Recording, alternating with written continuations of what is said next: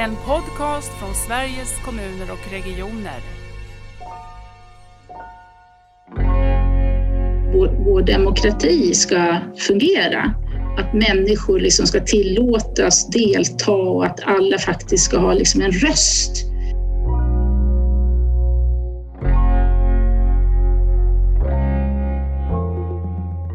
Det, det är väl ett ord som kanske inte skapar tillit utan kanske mer otrygghet.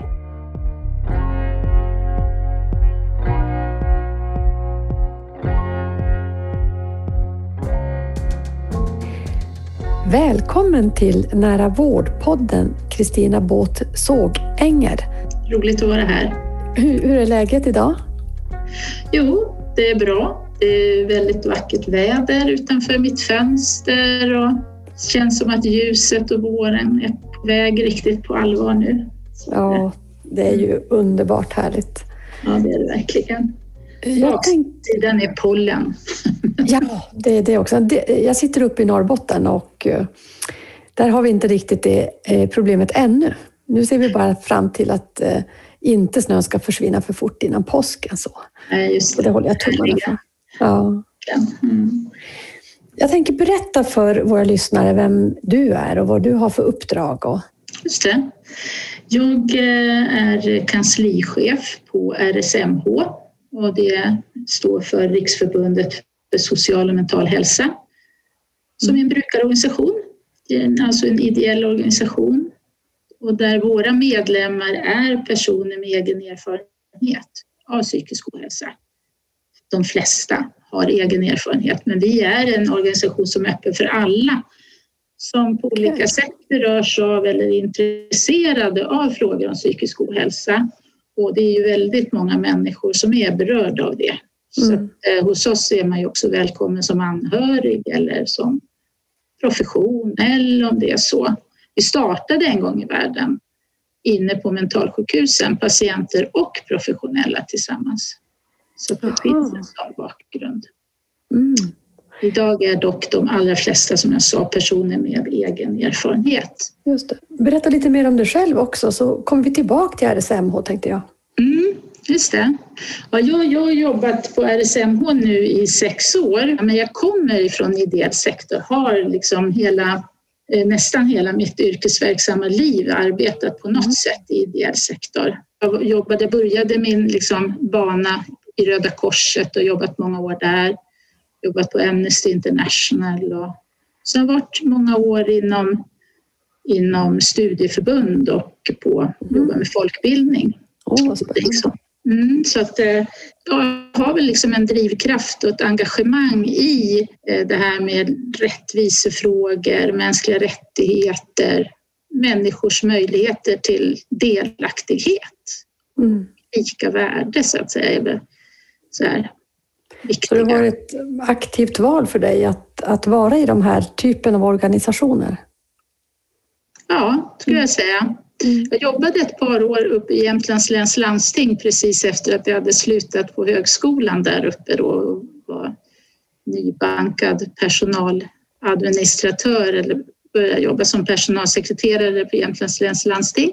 Det var väldigt roliga år och så, men eh, när jag då sen flyttade så att säga, tillbaka hemåt Mm. och hamnade i Stockholm så då var det ett aktivt val att söka mig tillbaka eller ja, söka en anställning i den ideella sektorn. Då hade jag jobbat i Röda Korset i flera år redan men också varit eh, förtroendevald där och aktiv medlem och liksom väldigt engagerad i de frågorna. Just det. Då fick jag jobb på Amnesty. Mm. Mm. Berätta då om RSMH. Du började att säga att den, det var en organisation som uppstod på de gamla mentalsjukhusen. Mm. Eh, Hur, hur länge sedan är det? Sen den bildades? 67 bildades organisationen formellt. Men då hade det funnits, dels här i Stockholm men också nere i Lund, eh, grupper liksom på, inne på mentalsjukhusen som tillsammans med framförallt läkare men också psykiatrisjuksköterskor hade påbörjat ett arbete för att ja, man säger, återupprätta patienternas människovärde på något sätt skulle man kunna säga. Mm. Det, det, var ju så att många människor, det var ju, var ju 34 000 människor eh, fanns ju liksom på de här jättelika liksom institutionerna runt om i Sverige då. Och, och många hade ju, eh, man hade ju inte heller, eh, man var omyndigförklarad så man hade liksom inte några rättigheter. Nej. Och det var då, dålig insyn liksom som det blir i slutna, eh, mm. alltför slutna liksom, samhällen så att säga, då, eller grupper. Och, och ja, nej, men då hade det börjat rörelser internationellt och det här fångades liksom upp framför allt av, av, av professionen som man började ifrågasätta det här. Och sen ja, på det sättet så börjar man patienter och professioner jobba tillsammans. Det är ju nästan lite eh, föregångare. Vi skulle behöva se mer av sådana organisationer idag där profession och patienter var i samma rörelse. Hur många medlemmar har ni idag då? Ja, nu har vi eh, eh ungefär 6 500 medlemmar, lite drygt. Och, så har, och de finns liksom i våra... För, för, nästan ja, företrädesvis liksom så är ju de här personerna med i någon av våra föreningar. Vi har ett hundratal föreningar runt om i landet. Mm. Från norr till söder. Mm. Som eh, ordnar verksamheter på olika sätt och är, arbetar med det som vi kallar för kamratstöd. Berätta, vad är det? Ja, man säger att det är en eh, en del i, eller ett, ett återhämtningsarbete.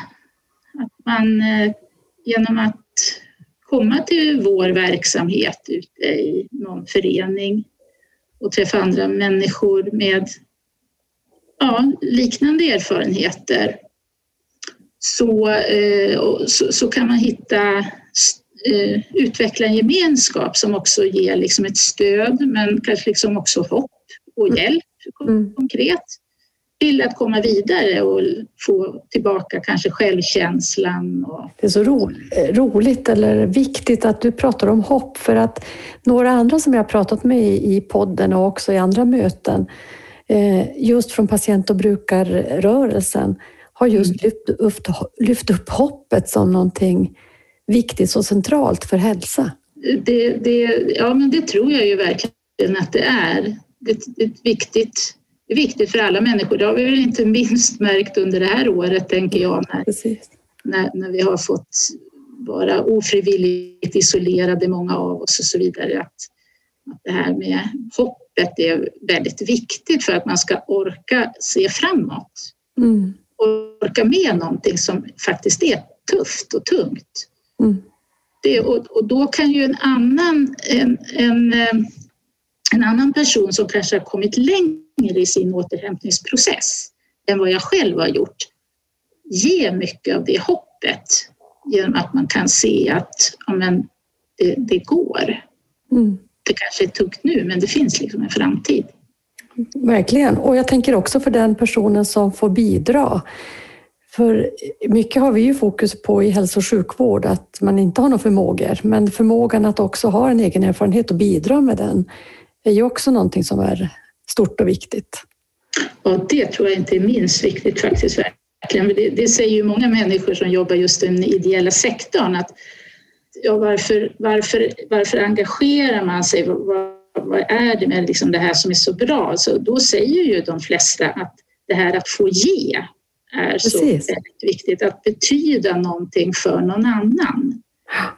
Det är något grundläggande viktigt för människor och det ger ju liksom en tillhörighet också Eh, som, eh, ja, som man kanske har förlorat då i eh, samband med att man blir sjuk. Mm, precis. Ja, det där är viktiga aspekter att ha med. På det sättet tänker jag också att nära vård handlar så mycket om att, att det är tillsammans. Det är ju inte bara hälso och sjukvården som ger en insats utan att skapa de här arenorna som du berättar om, det här kamratstödet eller så. Jag tänker på din roll som kanslichef. Eh, Eh, du är ju en förtroendevald organisation. Vad är ditt uppdrag då som kanslichef? Mm. Ja. ja, jag är ju i en ideell och förtroendevald mm. organisation men jag är ju anställd då. Mm. Vi har ett kansli med ja, just nu är vi 12 anställda, för två år sedan var vi 21 anställda och det beror ju på att vi jobbar en hel del med olika projekt och då kan det bli liksom fler anställda. Och så. Så det är ju en, en, en viktig roll jag har i mitt arbete är ju naturligtvis att leda arbetet på kansliet. Mm. Och eh, se till att, det, att de resurser som vi har här på förbundet och inte minst då de personella resurserna som finns för att utveckla vår verksamhet och ja, också förvalta liksom den utifrån ekonomiska aspekter och så. Mm. Att det fungerar. Så att eh, det är ju liksom en del av, av den roll som jag har. Sen så är ju också, sen jobbar jag ju tätt ihop med, med de som är förtroendevalda i organisationen. Inte minst gäller ju det naturligtvis vår förbundsstyrelse då, som som väljs av vår kongress. Mm. Så tillsammans med dem så kan man väl säga att ja, förbundsstyrelsen och jag är någon sorts liksom gemensam ledning för organisationen. Mm. För vi har ju träffats i, i nära vårdsammanhang du och jag också. Mm. Så att du har också som tjänsteperson också en roll i, eh, i, det, i det arbetet som ni gör som organisation, eller? Ja, det har jag.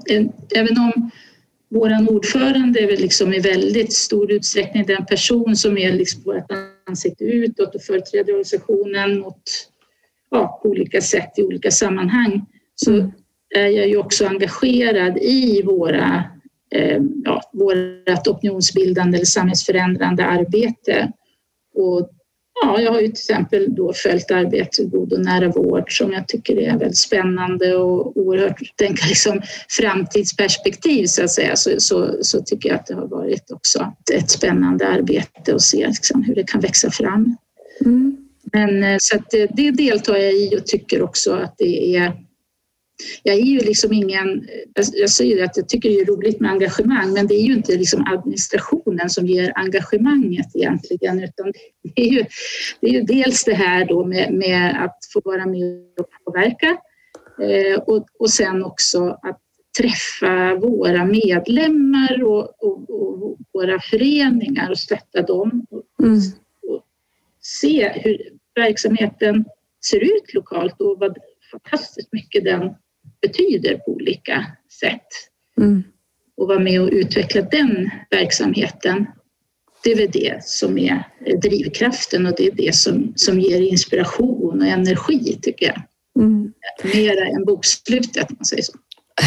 Eller hur? Jag har ju själv en bakgrund och jobbat mycket i idéburen verksamhet och det finns någonting väldigt, även om man har en, en tjänstepersons roll, någonting väldigt eh, nära, alltså man, engagemangsdrivna är ju väldigt nära de organisationerna. Mm. Jag tänker, vi, i nära vård så pratar man ju en hel del om kopplingen mot civilsamhället och jag tänkte om du tog den här stora penseln och säger vad, vad ser du civilsamhällets roll är i hela vårt välfärdssystem, i välfärdssamhället? Ja, alltså jag, jag tror ju, jag, jag, tänker att civilsamhällets roll har ju, om man tänker som genom tiderna, eh, handlat väldigt mycket om det här med liksom demokrati och, och så nära kopplat till att vår, vår demokrati ska fungera.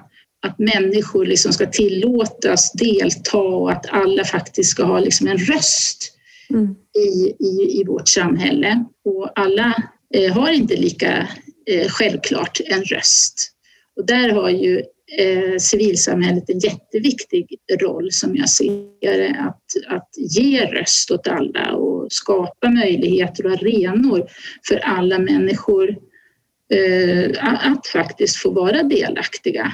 Och, det är ju, eh, och demokratin är ju som jag ser intimt kopplat med välfärden så att säga. Man måste ha grundläggande förståelse för liksom hur, ja, vad är det för sorts samhälle vi vill ha och hur ska vi gemensamt bygga den då? Men sen så utgår ju också den ideella sektorn och föreningslivet och så där. Det är ju uppbyggt utifrån människors behov. Det är ju, föreningar skapas ju utifrån att man ser gemensamma behov. Mm. och söker gemensamma lösningar på de behoven. Mm. Därför är ju också föreningslivet, tycker jag, ideella civilsamhället då, en väldigt bra problemlösare många gånger. Precis. Därför att man, man har hela tiden örat mot rälsen. Det är liksom själva grunduppdraget i föreningen är ju att lösa behov mm. Det, det där är så spännande för ibland när jag tänker och vi tänker i min grupp också kring hur, om vi nu ska få en hållbar förändring av hälso och sjukvården mot en mer nära vård.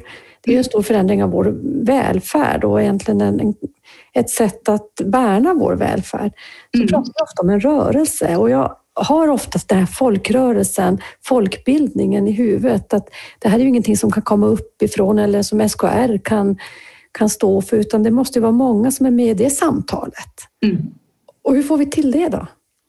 Ja, hur ska vi få till det? Jag, jag, tror att redan idag så finns det ju ändå, det finns dialoger, till och med lagstiftat så att säga kring mm. eh, att vi ska ha dialoger med varandra. Mm. Det finns ju också sedan ett antal, ja, kanske tiotal år sedan nu, eh, drygt eh, överenskommelser mellan det offentliga och civilsamhället. Mm. Eh, som, som just handlar om också eh, hur man ska samverka med varandra och att man ska ha dialoger med varandra. Mm. Och, eh, och så gör det ju också inom, jag tänker på nu då, brukarorganisationerna. Där finns det också brukarråd liksom på olika nivåer och så vidare. Jag tror att, att det som är viktigt är ju att man eh, funderar över på både, från båda håll då också vad är syftet med de här samtalen och att man eh, strukturerar det kanske på ett bättre sätt än, än vad som är fallet idag. Mm. Mm. Många eh, brukarråd blir ju väldigt, eh, ja kanske mera pliktskyldigast, eh, jag inte säga kanske var fel uttryck, men det blir väldigt mycket informationsgivning och mindre dialog kanske. Just det. Och eh, ibland kan det vara bra med information, men då ska man ju veta att det var det som var meningen, så att säga. Och inte kalla det för att det är råd eller att det är dialog eller någonting annat sånt. Nej. Alltså det är någon nyfikenhet och intresse i grunden för att verkligen förstå mer genom att lyssna på varandra. Ja, och sen kanske liksom också att, ja, att, att förstå det mer och sen att eh, förstå eh, varandras liksom roll i den här dialogen mm. också. Mm. Då, då, tror jag att, att en sån här dialog kan fungera en, hela vägen från individnivå så att säga till mera brukarråd och så vidare. Mm. I Västra Götaland, i den regionen, där har man ju gjort ett, ett, eh, ja, ett avtal kan man säga mellan det som heter NSPH då, då som är eh, nationell samverkan för, för brukarorganisationerna inom psykiatrin eh, och regionerna kring just brukarmedverkan i olika processer. Och där, där man har också kommit överens om vad, vad vad som är målsättningarna med det här och vad som är visionen och vart man vill dra och så vidare och på vilket sätt eh, olika parter ska bidra i det. Just det, så de är lite ett exempel att lyfta fram, tycker du, Västra Götaland som, och deras struktur på arbetet? Ja, det tycker jag att det är. Mm. Och, det, och där finns ju också exempel på enskilda verksamheter som har ja, verkligen gjort det som en del i sin arbetssätt kan man säga, att arbeta just med brukarsamverkan och brukarinflytande. Mm. Det är också min erfarenhet att eh, det är inte alltid som samverkan med brukare kommer så direkt ner i arbetsplatsen och jag tror att vi har så mycket att lära också i, i det nära vårdarbetet kring att inte bara ha den här mm, professions och, patientrollen med varandra utan också driva verksamhetsutveckling väldigt nära tillsammans. Mm. Så ofta är de här råden kanske på en, någon typ av mesonivå, på politiknivå eller på lite högre tjänstepersonsnivå.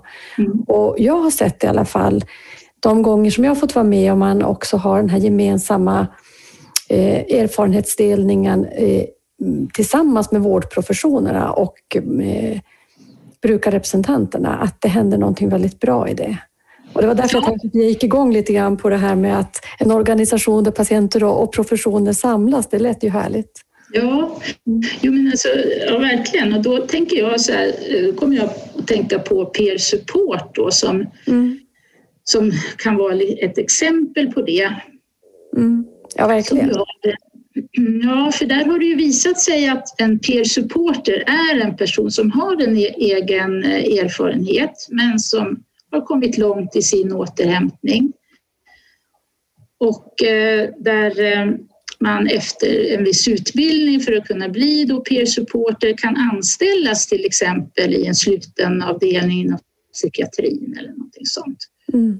Och där tillsammans med övrig person, ja, att man är ju alltså anställd, man är professionellt anställd, men man är en peer supporter och på det sättet så har man ju delvis en annan roll. Och apropå det här som vi pratade om, om hopp där i, i början, så kan vi bli mera mjuka värden. Det kan vara en person som ger hopp till någon som finns då på slutenavdelningen.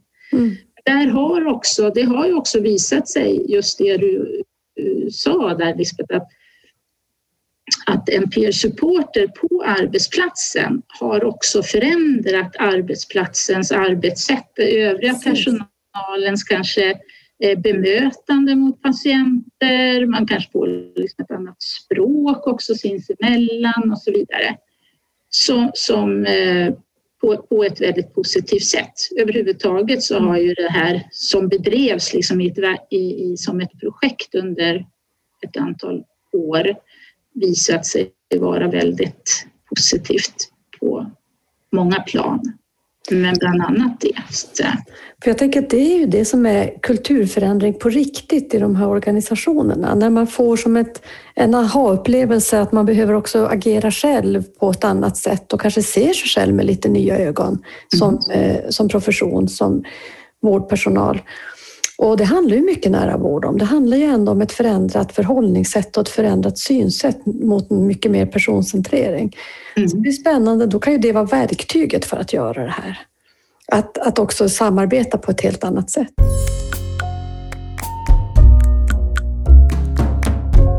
Men när, du pratar med dina, när ni pratar med era medlemmar eller så i RSMH, eh, vad är de viktigaste frågorna för dem? Vad är det som står högt på deras agenda? Ja, eh, det, det är, eh, kan man väl säga, eh, inte god och nära vård direkt, men mycket av det så kanske god och nära vård så småningom kan, kan leda till. Det tror jag liksom är väldigt mm. viktiga frågor för, för RSMH har varit det under en lång tid och, och som handlar då mycket om samordning. Just det där ju det finns ju stora, stora eh, brister idag. Vi har just nu eh, jobbar vi med en, en reformprogram som vi just eh, vi vill ha en samhällsförändring där ingen ska behöva falla mellan stolarna. Mm. Eh, och, och, och, det handlar ju väldigt mycket om samordning och samarbete mellan olika Eh, ja, mellan kommun och region men det kan också vara mellan olika verksamheter mm. inom kommunen eller inom regionen. Myndigheter överhuvudtaget. Så. det är ju, en, det är ju en jätte, jätteviktiga frågor för oss och i det, i det här Ingen ska falla mellan stolarna så lyfter vi fram just brukarmedverkan. Okay. Eh, på riktigt så att säga, som vi säger då.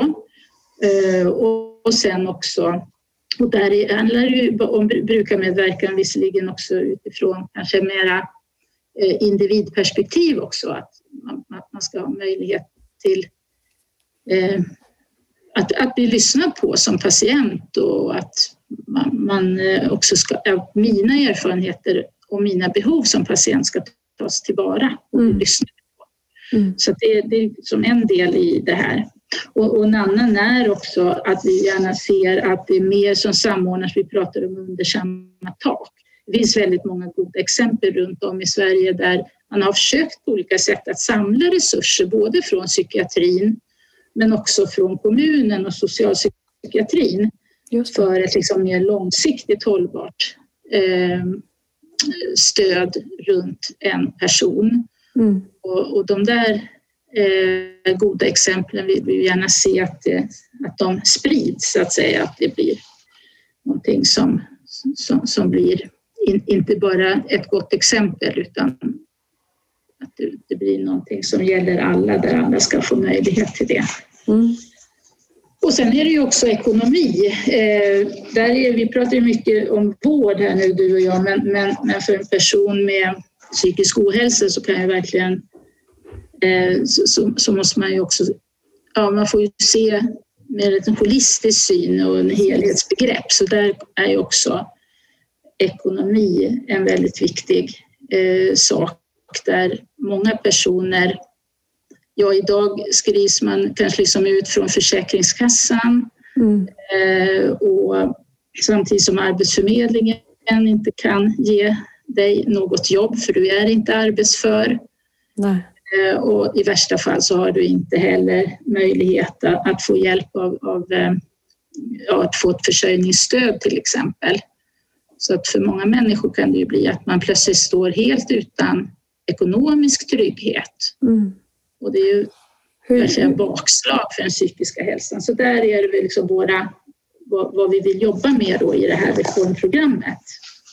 För det är en del i reformprogrammet också. Det är ett reformprogram för välfärd kan man säga i stort. Ja, det är det faktiskt. Mm. Mm. Eh. Sen så lyfter vi fram SIP där också. Man tänker också på att vi, att vi har ju eh, Eh, ja, en person med psykisk eh, ohälsa har, har ju rätt att få en samordnad individuell plan som lite, lite grann då kanske ska hjälpa till att överbrygga de här problemen med, med samordning och samarbete och så vidare. Och det är ju också eh, någonting som är väldigt bra där det fungerar. Men tyvärr så är det ju så att på väldigt många platser eh, så eh, fungerar inte. Antingen så får man inte en SIP eller också så får mm. man en, en eh, SIP då som inte... Eh, ja, den, den, eh, det mera pliktskyldigaste gjord kanske eller den fungerar i alla fall inte med utgångspunkt från patienten. Nej, precis. Mm. Jag tänker för, jag vet att du har haft lite tankar och funderingar också kring arbetet med patientkontrakt. För just patientkontraktets tanke är ju att kunna samlat få sin individuella planering men också få veta sina fasta kontakter och lite vad som är planen för mig och så. Mm. Men berätta, för det finns både farhågor och, och möjligheter vet jag att du tänker kring, eller ni ser kring patientkontraktet. Mm. Berätta lite hur du tänker. Ja, nej men vi ser ju väldigt, vi, vi, har ju varit väldigt positiva till eh, det här med god och nära vård och utredningen och många av utredningens tankar eftersom vi ju liksom kan se att, att, att flytta över eh, mycket resurser, kanske liksom primärvård, att få liksom en tidig insats och en tidig kontakt är ju sånt som är oerhört eh, viktigt för personer med psykisk ohälsa. Mm. Så att eh, så är det. Sen, har, sen när det gäller just då kontrakt mm. som, som ja, dels har vi väl haft en, en lite farhåga för själva ordet kontrakt. Mm. Där personer med en psykisk ohälsa kan känna, alltså det kan skapa en otrygghet i, i, i tanken på att jag signerar nu liksom ett avtal, ett mm. kontrakt. Och vad händer då när jag inte kan hålla min del i det kontraktet? Mm. Uh, och så det, det, det, det är väl ett ord som kanske inte skapar tillit utan kanske mer otrygghet då har vi tänkt att det kanske skulle varit bättre med något mjukare som överenskom, vårdöverenskommelse mm. eller någonting sånt där. Precis, och det är ju mycket, för det är ju egentligen det som är innehållet och tanken. Det är just den här överenskommelsen att stärka patientens mm. Eh, roll och möjlighet att faktiskt eh, ha koll på och koll på också vad, eller ha koll på, men att också kunna se, ja men här vet jag faktiskt inte vad som ska hända. Det här kan jag fråga om. Mm. Så att det är viktigt att ta upp just om det finns saker som, som kan leda tanken åt något annat håll. Mm. Ja, ja, visst, så är det ju verkligen.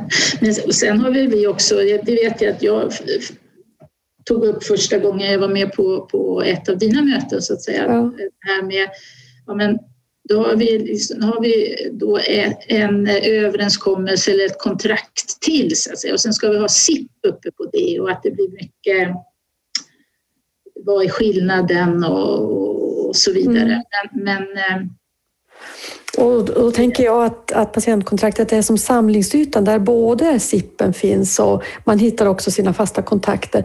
Men du lärde mig Kristina någonting då, eller fick mig i alla fall att tänka extra på det, för vi hade också en diskussion vet jag vid det första mötet. Det var ju nästan för precis ett år sedan ska vi väl säga, för det var ju precis eh, dagen, dagen innan pandemin bröt ut som värst i Sverige, eller vi fick nedstängt. Men då sa du också det här med att vi tar så för givet idag att människor har ett bank-id. Jag tänkte på att du pratade om ekonomi. Vi pratade då om att kunna ha den här, sam, den här överenskommelsen som vi har också tillgänglig på 1177 och det är ju bra för jättemånga människor. Det ska vi jobba för. Men, men du sa någonting om det här med bank-id. Berätta. Ja, ja, det sa jag. jag. Jag sa då det att alla människor har inte bank-id för att bank-id idag förutsätter ju, det hörs ju på namnet också, att det förutsätter ju att du har kontakt med en bank så att säga och att mm. du har ett, ett, ett, konto, och ett konto där på banken och tillgång till det och så vidare. Och det gäller inte alla människor idag. Eh, till exempel så, så gäller inte många av eh, våra medlemmar som har en förvaltare till exempel. Nej. Då har man ingen, inte något sånt. Nej. Och för våra... Och, och det behöver inte heller bara vara det som är problemet så att säga utan bank-id förutsätter ju sen då också att det är inte bara det att du ska ha kontakt med, med en bank, för det kanske du ändå har, men du ska sen också ha en internetbank och en eh, Android-telefon eller en dator och och då är det ju ännu fler människor som inte har den här möjligheten. Mm. Och det gör ju också att det, det, är verkligen en jätteviktig fråga för oss nu eftersom det skapar ju liksom ett nytt sorts utanförskap. Just det. Eh, och brist på tillgänglighet. Mm. Och det är många tjänster idag som, många välfärdstjänster idag byggs som upp som digitala tjänster, vilket ju är väldigt bra för de flesta av oss tycker att det är bekvämt och bra. Mm. Men det skapar ju liksom också ett utanförskap för de som inte eh, kan eller förstår hur man ska använda den där tjänsten. Mm. Och särskilt om det då blir brist på alternativ. Mm. För, för mig också, nära vård väldigt mycket, det handlar väldigt mycket om om att se hälso och sjukvård som den tjänstesektor det är. Men också då att tänka att vi kan inte ha en tjänst som passar alla. Vår förmåga att också anpassa tjänster, både för individer och för grupper. Och det kan handla om det digitala kontra det, det fysiska tillgängligheten. Det kan handla om andra saker också, att vi oftast tänker att nu har vi det här sättet att möta alla. Alla ska komma till hälsocentralen, de ska göra det och de har en viss tid i sitt möte. Medan vi, kanske, vi måste på ett helt annat sätt se att vi alla vill inte dels komma. Vi måste fundera på vilka som vi inte ser där, vilka kommer inte? Behöver vi nå dem på andra sätt? Mm. Samma tidsspann kanske inte passar alla möten. Så att det, det ligger väldigt mycket i det där att kunna göra tjänster som är anpassade för människor. Mm. Så, ja, verkligen. Och, och där återigen liksom just det här att, att människans behov i, i centrum. Och att man försöker få det så flexibelt som möjligt. Precis. Jag, jag eh, läste om eh, en, eh, ska vi se vad det var någonstans då, det var uppe i Sollefteå tror jag det var. Där man hade eh, lagt ner eh, vårdplatser. Man var tvungen att stänga vårdplatser. Mm. Då startade man istället eh, vårdteam mm. eh, som har åkt ut till, eh, till patienterna, till mm. brukarna.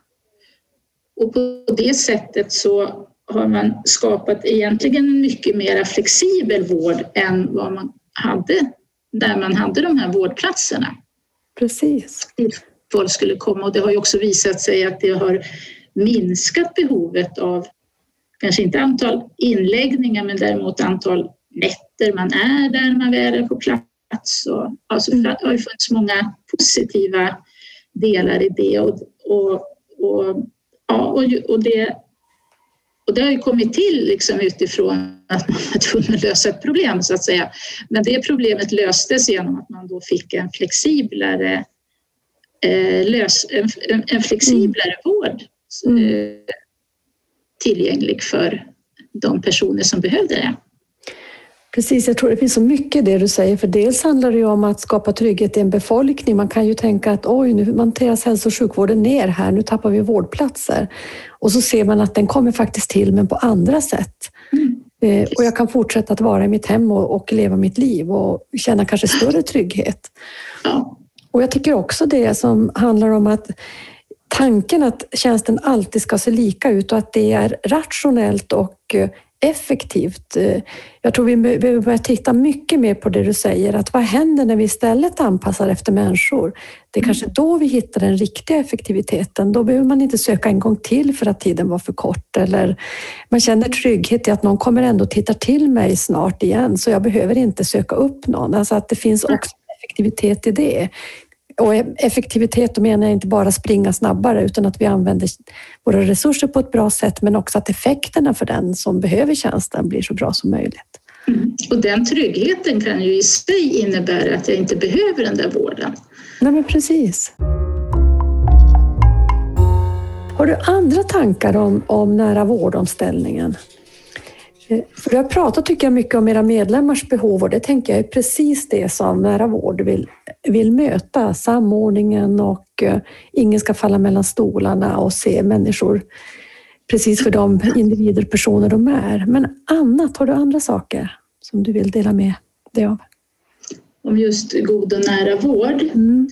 Ja, nej men jag, jag tror i och för sig att jag har varit inne på det redan men det som känns eh, riktigt hoppfullt och bra där känner jag också och hoppas att nu kommer ju också eh, god och nära vård för unga. Mm. Eh, och där kanske det är än mer tydligt eh, att vi behöver samordna eh, tidiga insatser och få med många, eh, jag menar elevhälsa och, och också primärvården och, och specialistvården i en, en mycket bättre samverkan för mm Mm. Eh, vi behöver det för andra eh, vuxna också, men det blir ju som ändå eh, att, att, hjälpa en ung person att inte hamna i en allvarlig psykisk ohälsa räddar ju naturligtvis livet för många och också samhällsekonomiska vinster om man ska prata om effektivitet då, så att säga. Mm. Så det, det, är ju någonting som